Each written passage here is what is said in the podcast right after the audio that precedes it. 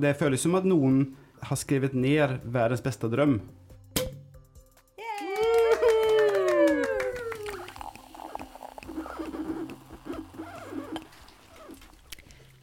Velkommen til Sølvbergets klassikerpodkast. I dag er det en stor glede å si at Stine Honoré endelig er tilbake på Sølvberget. Vi har klart å lokke henne tilbake fra kommunen fra, med litt eh, champagne i glasset, faktisk. Eh, velkommen, Stine. Tusen, tusen takk. Enormt kjekt å være her, særlig når dere byr på champagne. Men uh, veldig, veldig kjekt uh, å få et, uh, en sånn reunion med podkastgjengen på Sølvberget. Og champagne er et stikkord i dag, for jeg sitter her med fjærkledde Stine Honoré og undersøkende journalist Thomas Gustafsson. Og vi skal snakke om sirkusnøtter av Angela Carter. Thomas, hva handler denne boken om? Det er jo et eh, komplett eventyr, kan man si. Altså det, det handler om eh, journalisten Jack eh, Walser som intervjuer en eh, Hva skal man kalle henne? En sånn eh, eh, Aerialist, kaller de det på engelsk. Altså sånn Er det sånn trapes? Ja. Så hun, hun er en, kunst, en luftkunstner, på en måte. Eh, og hun har, eller kanskje ikke har, vinger. Hun er født som en blanding mellom menneske og fugl.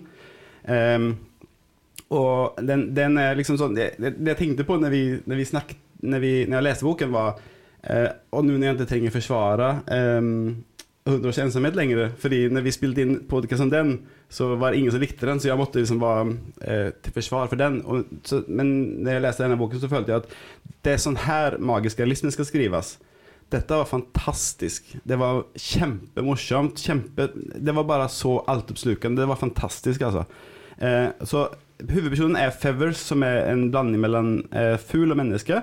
Og vi følger henne eh, på en tur som begynner i London, og eh, over til St. Petersburg og Sibir, eh, der hun er eh, om bord på en reisende sir- sirkus som er på vei til eh, Japan. Og så får vi følge deres eventyr. Og så er det et stort eh, menasjeri av fantastiske mennesker. Minimennesker. Altså det, det fins allting du kan tenke opp eh, her. Så hovedpersonen er Fevers. Eh, hun er, er, er liksom skildra av en journalist eh, som følger med, som undercover-journalist på, på turen. Jeg må spesifisere at eller, det høres veldig spennende ut når du sier en blanding av fugl og menneske. Men jeg så jo for meg at dette var en sånn amazone. Hun er, hun er kjempestor, men hun er utrolig vakker og attraktiv. Men så har hun vinger. Eller har, har kanskje ikke. Vi vet ikke. Vinger. Jeg Helt enig. Ja, beklager, det var helt sant. En, Ja. en stor, vakker kvinne med vinger. Ja. Eller kanskje hun er en mann. ja. Eller kanskje en mann. Kanskje hun er en mann. Det er Ja. Eller jeg tenker at hun er litt sånn um, eh, eh, En blanding av eh, eh, Marilyn Monroe og Great Garlic Girls og eh, ja, en sånn salig blanding av ganske mange sånne artige karakterer satt sammen i en person. Men vi kanskje kan snakke litt mer om hun uh, seinere, for er jo, du skulle jo oppsummere handlingen i denne boka, Thomas, det er jo litt sånn at det kanskje ikke går å oppsummere handlingen, eh, for eh, det skjer så utrolig mye, og det er så mange karakterer. eh, og du nevnte jo sirkus, og romanen heter jo 'Sirkusnetter' eller 'Nights at the Circus'. Men vi er jo i London, vi er i Sibir, vi er i St. Petersburg. Og vi er på en lang, lang togreise, og det er jo Hva er det da? Det er noen sjamaner, 1800-tallet, det ja. er noen eh, det er jo en synsk gris. Eh, der er en sånn crazy eh, sirkusdirektør. Der er en fostermor som egentlig kanskje er en blanding av en heks og en anarkist. Der er mange prostituerte, ja. der er terrorister, der er prostituerte som som òg er suffragetter. Altså, ja. Men dette høres jo veldig eh, overveldende ut, og da har jeg to spørsmål. Altså, hvordan vil dere beskrive Angela Carters stil, og det føler jeg kanskje du har vært litt inne på nå. Eh, men det andre er, altså, hvordan føles det å lese noe sånn? Eh, Jeg blir litt sånn svimmel kanskje nesten av å lese ei sånn bok som dette, for det er jo òg et veldig sånn eh, rikt språk. Det er mye humor, det er veldig mye som skjer. Det er mye metaforer og symboler og referanser til til mytologi, til bibel, til eventyr, til um, populærkultur. Jeg, jeg, føler, jeg, jeg assosierer litt til uh, Olga Tokarczuk når jeg leste den. fordi hun forholder seg ikke heller helt til virkeligheten. Og det er også sånn mange forskjellige fortellinger som knytter sammen. Vi får jo så mange små biografier uh, til de forskjellige deltakerne. Det, det, er bare så fantastisk oppkomme, og det er det som er som skiller seg fra en 100 mitt, f.eks., som jeg føler er sånn det samme sånn intense, sprudlende kreativitet i skrivingen, men, men, det er morsomt samtidig. Samtidig som du bryr deg om de menneskene som er med. Jeg, jeg syns det var en komplett fornøyelse å lese. Uh, og tenk, for meg så det, var dette et sånn kjempekjekt uh, gjensyn, eller en fantastisk sånn gjenlesing av ei bok som som, eh, som, jeg er veldig veldig glad i, som jeg har lest mange ganger. Dere ser her min eh, versjon er litt sånn slitt. Eh, og jeg, jeg møtte Angela Carter første gang på universitetet når jeg studerte litteraturvitenskap og skrev sånn jeg vet ikke jeg, Bacheloroppgave heter det sikkert nå. Det er jo så lenge siden at det, det heter mellomfagsoppgave. Men, men da var Det var bare fire-fem år etter at Angela Carter døde. Hun døde i 1992. Eh, og hun er jo ikke så mye lest i Norge, men jeg eh, ble sånn kjempebegeistra for det forfatterskapet da. Og så, og så er det òg den forfatteren jeg skrev min masteroppgave om, eh, bare ikke denne romanen her, da. og det er en forfatter som det er skrevet sånn, en enorm mengde eh, hovedoppgaver og masteroppgaver og doktoravhandlinger om dette forfatterskapet. Så hun burde jo egentlig være litt mer kjent, kanskje, enn det uh, hun er. Ja, og, men hva er det med Angela Carter som gjør at hun er så populær i, i engelskspråklige, den engelskspråklige verden, og hvorfor vil, dere, hvorfor vil folk skrive om henne? Uh, jeg tror jeg leste faktisk nå når jeg forberedte meg til denne podkasten, så leste jeg at hun eh, i, i 2008 eller 2009 ble kåra til en av de ti viktigste eh, britiske forfatterne etter 1945. Eh, så hun har jo en, eh, en posisjon som, som, en viktig forfatter. Men hun, hun Jeg tror hun begynte å skrive på midten av 60-tallet, og så, og så har hun jo et veldig feministisk forfatterskap, og hun bruker mye psykoanalyse. Hun bruker mye, mye referanser til til annen litteratur. Altså det er mye intertekstualitet og mye, eh, mye eh, pek til, til her er det Ibsen og der er Shakespeare, der er veldig mye forskjellig. Så jeg tror hun, hun kom sikkert på et veldig sånn eh, eh heldig tidspunkt. Hun er jo akkurat som eh, en sånn kjønns... Uh, hun er en våt drøm for feminist- og kjønnsstudiesegmentet på universitetet, for hun har så mange, hun, hun har så mange sånne nye og litt originale eh, tilnærminger til, til, feminismen og til kjønnsstudier. Og dette er jo ganske lenge siden. Denne boka er jo fra 1984. Så jeg tenker at eh, eh, ting er jo veldig annerledes nå i måten vi snakker om, om kvinner og menn og kjønn og seksualitet på. Så hun var jo tidlig ute med å problematisere og snu ting litt på hodet. For det er jo det hun gjør i denne boka. Hun snur jo alt opp ned hele tida. Jeg tenker at, eh, at, om hun har levd litt lenger Hun døde jo veldig tidlig og ungt, og for lenge siden. At om hun hadde uh, levd lenger, så hadde hun vært mer til stede eh, nå. For, for, dette er jo absolutt ikke føles jo ikke gammelt. Det føles, jo, det føles som en helt egen sjanger, og det føles veldig aktuelt. Og den feminismen hun forespråker, altså sånn som jeg leser det, fall, det fins jo veldig åpent for å lese på mange måter. Men hun er veldig sånn Hun respekterer individer, og hun skal ikke ydmyke no, Hon ska inte ydmyka män för att män kvinner. Hon är liksom lite sånn Det är väldigt tilltalande eh, feminisme, syns jag. Också den där eh, Alltså, eh, jag är väldigt fascinerad av hur många forskjellige fortellinger hun, hun, har, men som ikke føles løsrykta. De passer sammen likevel. Så det, det er liksom Og all, overalt så har de en slags feministisk base som det går ut fra, føler jeg. Men kan dere forklare litt mer om hvordan, liksom, hvordan passer Sophie Fevers inn i det bildet? Hvordan er hennes blikk på verden, eller hva opplever hun i denne uh, romanen som, som, gjenspeiler det dere snakker om her? Altså, hovedpersonen uh, uh, Fevers er en ganske ung ganske ung kvinne, eh, som da er, sånn som du, Thomas, sa, sirkusartist. Men hun har jo en veldig sånn broket fortid, eh, for hun, hun eh, ble funnet på gata. Eh, og så ble hun oppdratt i et bordell av sin fostermor, eh, som jobbet på et bordell. Eh, og så, etter, etter at hun flytta fra bordellet, så ble jo utstilt på en sånn et sånn skrekkabinett for kvinnelige sånn freaks eller monster. Eh, så hun var en del av en sånn utstilling der, siden hun har disse vingene, da. Eh, og så eh, rømte hun fra skrekkabinettet. Hun måtte vel stikke av mm. derfra. Ja, og så, og så, siden hun har vinger, så er hun Eller hun sikkert, ble solgt. Ble, ja, solgt til sirkus. Nei, hun ble solgt til noen, en uh, mann. Husk, altså, hun um eh, preste, noen som solgte henne for de pengene. Hun ble lurt. Du skal få 50 kroner, eller hva det nå er for noe. Og så fikk hun den til å gi henne alle de pengene som, som hun eh, vertinnen hadde solgt henne for. Ja, og så er det jo jeg vet ikke, sikkert et veldig naturlig yrkesvalg å ta, da, hvis du har vinger, eh, og begynner med, som trapesartist. Mm. Eh, og med boka starter i London. Eh, hun er jo en stor, stor stjerne. Hun er liksom hovedattraksjonen på dette sirkuset. og alle menn er forelska i henne. Prinsen av Wales er kjempeforelska i henne. Eh, og de eh, konkurrerer om å gi henne champagne og diamanter og kaviar og nye klær og sånn. Eh, men så er hun jo hun ble kalt The Cockney Princess og The Cockney Venus, for hun, jo, hun er jo arbeiderklasse. Hun vokste opp på dette bordellet, så hun er jo sånn ekstremt sånn eh, rå og hun er sånn eh, Hun lukter svette og tåfis, og hun raper og fiser når hun drikker champagnen, og hun er liksom omgitt av en sånn eim av billige parfymer og er ganske sånn vulgær. Hun er jo ekstremt vulgær. Ja.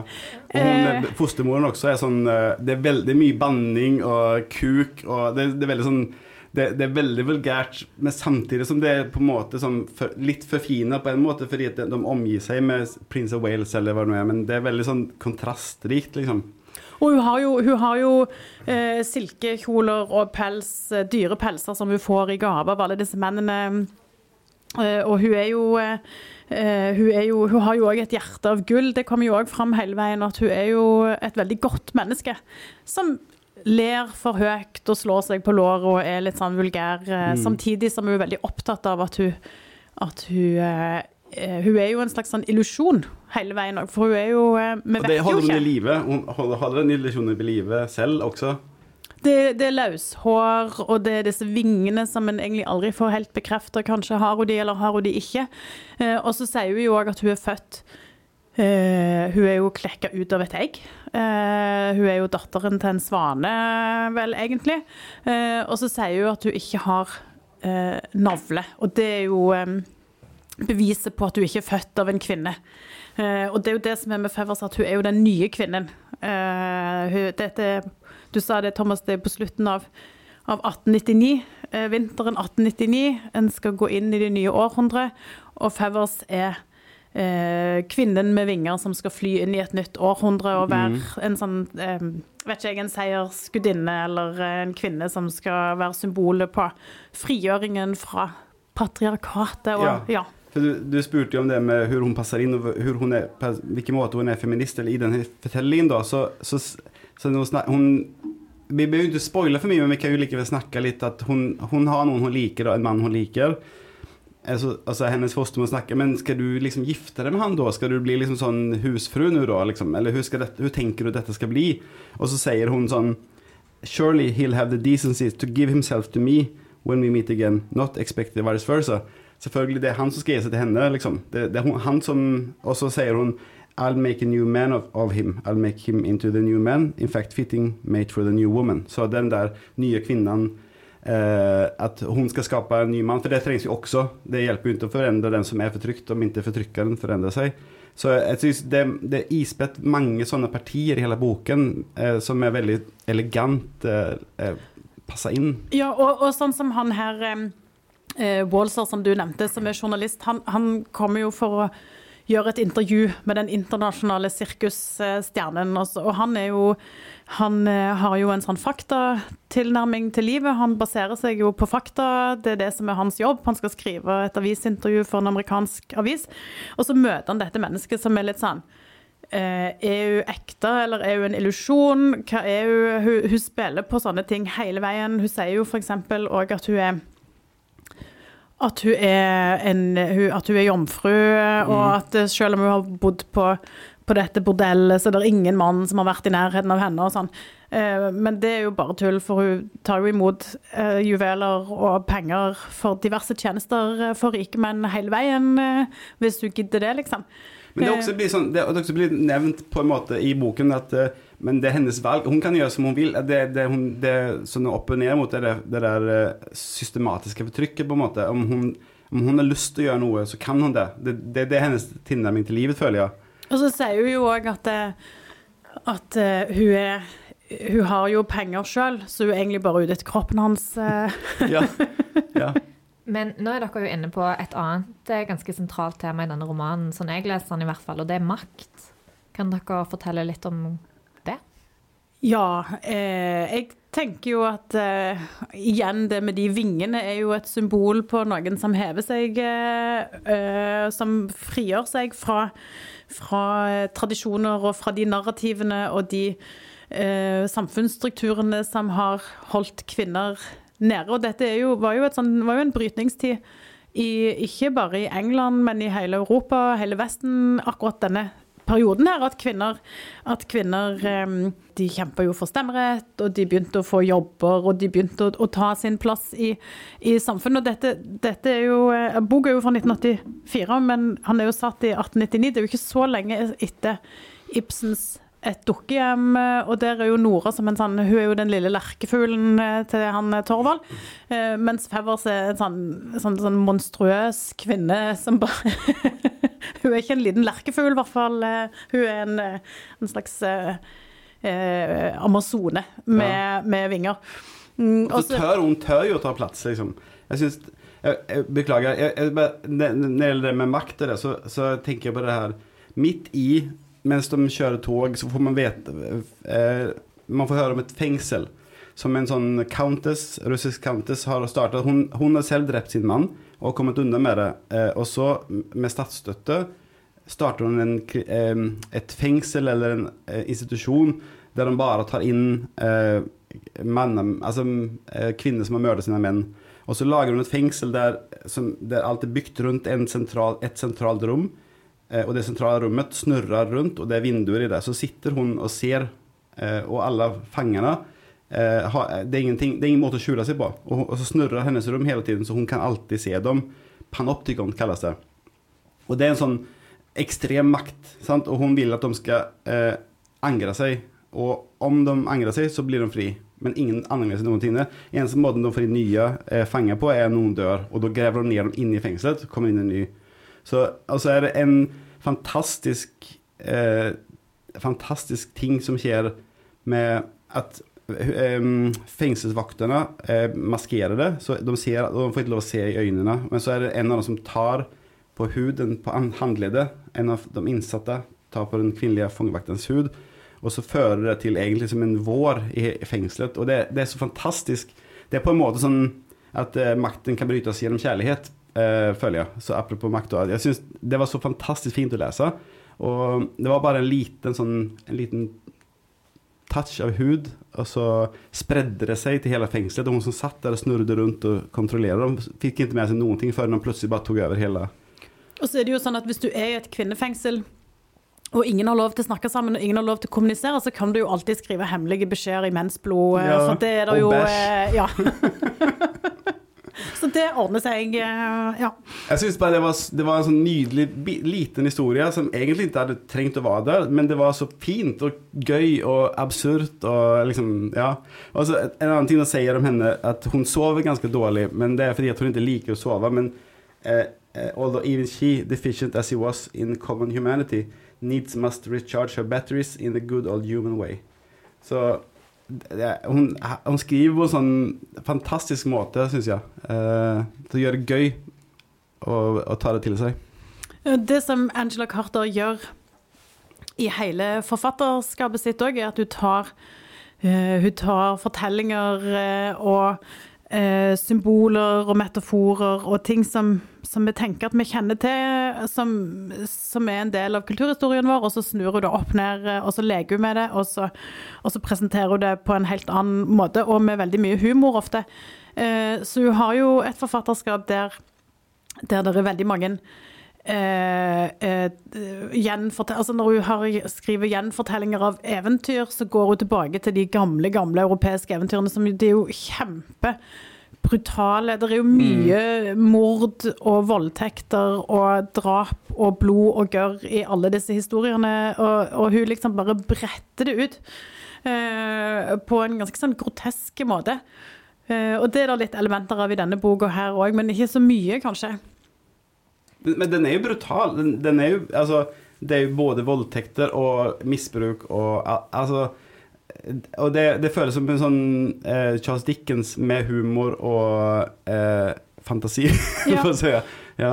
Jeg, tenker at dette er en forfatter som har en sånn helt sånn spesiell evne til å lage et litt sånn magisk univers. Og det at du, at du bruker sirkus som, som arena for, eh, for, denne fortellingen, mm. er jo helt fantastisk. At du bare og som du nesten kjenner lukta fra den der sagmuggen, og det er sånn eh, fargesprakende, crazy karakterer hele veien. Mm. Eh, og det er bare Altså, for alt kan jo skje. På sirkus kan jo alt skje. Ja. Det er jo en sånn magisk verden. Eh.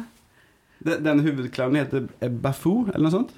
Han, han, har en parykk på seg, og den parykken ser ikke ut som hår, den ser ut som en urinblære. Og så sier hun sånn So he stores his thoughts in the organ which is conveniently filled with piss. Conventionally filled with piss.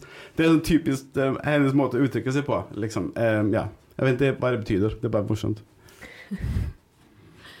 ja. Um, dette er jo Jeg tror vi kan alle være enige om at dette er en klassiker, og dere har jo allerede vært inne på hvorfor. Eh, og så må jeg jo personlig si at eh, jeg har aldri lest noe som er så overdådig, men allikevel så presist. Mm. Eh, og det har vært en eneste stor fest å lese, selv om mye av temaene er eh, alvorlige og viktige. Ja, for du hadde en sånn fin beskrivelse av denne boka. Hva var det du sa det var nå i en tale? Det var noe med en barokk eh, Ja, en blanding av barokk, overdådighet og skittenrealisme. Ja, og det var utrolig presist, eh, for det er akkurat det dette her er. Men da må jeg jo nesten bare høre, er det noe som ligner på Angela Carter? Har dere noen read-alikes som leserne eller lytterne våre kanskje kjenner til fra før? Det var det med Tokarchuk, kanskje. Ja. Um, for, litt på, men det er, ikke, det er, jo ikke, det samme. Jeg har aldri lest noe som er så mye. Det er så mye av alt. Hun er jo en fantastisk imponerende tenkere, men også Det føles som at noen eh, har skrevet ned verdens beste drøm. På en måte. ja. men, men, samtidig som at den drømmen er strukturert på en tiltalende måte og veldig gode poenger. Og liksom det er, det er veldig vanskelig å komme opp med, med, sånn Om du likte denne, liker du det her? Men er hun mye oversatt til norsk? Det vet jeg ikke, faktisk. Jeg tror ikke hun er så mye lest i Norge, i hvert fall. Um... Så det er en oppfordring da fra oss til alle i Norge om å, om å, lese Angela Carter, og til alle forlagene om å oversette den. Ja, absolutt. For jeg hadde jo egentlig spilt inn at vi skulle ha en annen roman eh, når vi skulle snakke om Angela Carter. Jeg hadde jo spilt inn eh, en eh, bok fra 70-tallet som heter 'The Passion of New Eve', men den var jo veldig vanskelig å få tak i, og ikke mulig å få tak i på norsk, tror jeg. Så.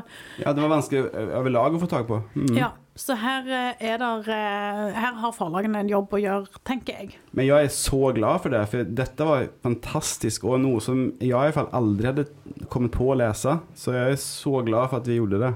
Jeg tenker at vi kan jo kanskje anbefale, istedenfor å snakke om sånn read-alikes, eh, så kan vi si at kanskje folk skal lese f.eks. den som heter The Magic Toy Shop, eller Wise Children, som er andre Carter-romaner, som òg er veldig, veldig, veldig bra. Mm. Ja, jeg er veldig glad for at du eh, foreslo at vi skulle snakke om, eh, om Angela Carter i denne podkasten, Stine. Evig takknemlig for at du kom tilbake til oss. Ikke minst at du ville drikke et glass champagne med oss her i dag. Jeg kommer alltid tilbake hvis dere gir meg champagne. OK, tusen takk for at dere kom. Takk, takk. Skål. Skål.